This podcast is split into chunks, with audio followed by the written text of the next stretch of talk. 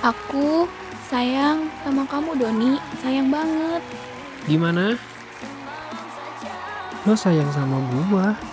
Iya, aneh ya? Bodo amat lah. Enggak kok. Gue juga sayang sama lo, Tan. Mending kita cari tempat yang gak bising yuk. Oh, oke. Jadi, gimana? Ya nggak gimana-gimana. Aku cuma ungkapin perasaan aku aja ke kakak. Lo tahu gak sih, Tan? Lo selalu ngingetin gue sama seseorang. Cara kakak perlakuin aku kayak gini, pegang kepala aku setiap kali ngobrol sama aku, perhatian kakak ke aku. Apa kakak juga punya perasaan yang lebih ke aku? Intan, gue terima kasih banget sama lo. Gue jadi bisa ngerasa bahagia lagi sewaktu ngobrol sama lo. Gue bahagia banget. Jujur, gue nyaman banget ngobrol sama lo.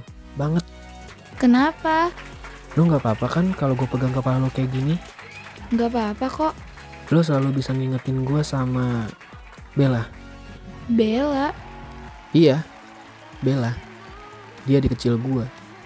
Mungkin kalau dia berhasil dia udah segede lo sekarang. Bisa sekampus sama gue, bisa gue spekin kayak gini. Dia pengen banget masuk kampus ini tan. Tapi dia harus rela gagal. Dia udah capek. Lagian gue juga kasihan lihat dia harus kesakitan terus. Gue udah gak kuat lihat dia kesakitan dalam senyum palsunya. Dia kena leukemia. Didiagnosa dari kelas 3 SMP. Tapi senyuman di wajah dia tuh gak pernah luntur. Dia yang selalu semangatin gue ketika gue lelah. Tapi sekarang dia udah gak ada. Dan tiba-tiba lo datang. Dengan segala kemiripan yang lo punya sama Bella. Gue ngerasa kalau gue juga bisa ngobrol lagi sama Bella. maafin aku kak. Aku nggak tahu. Maafin aku ya. Gak apa-apa kok Tan. It's okay. Gue bahagia kok. Tapi, Tapi kenapa kak?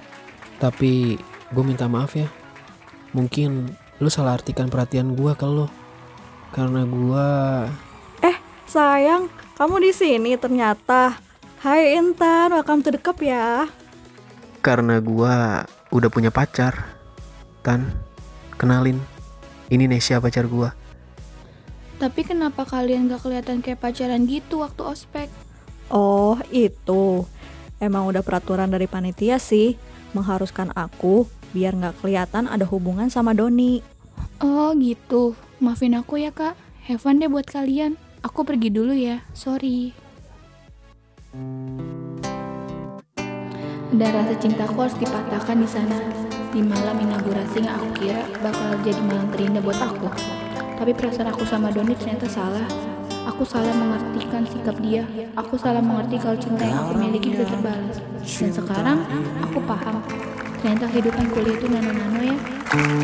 Tenggelamkanku di duka yang terdalam Hampa hati terasa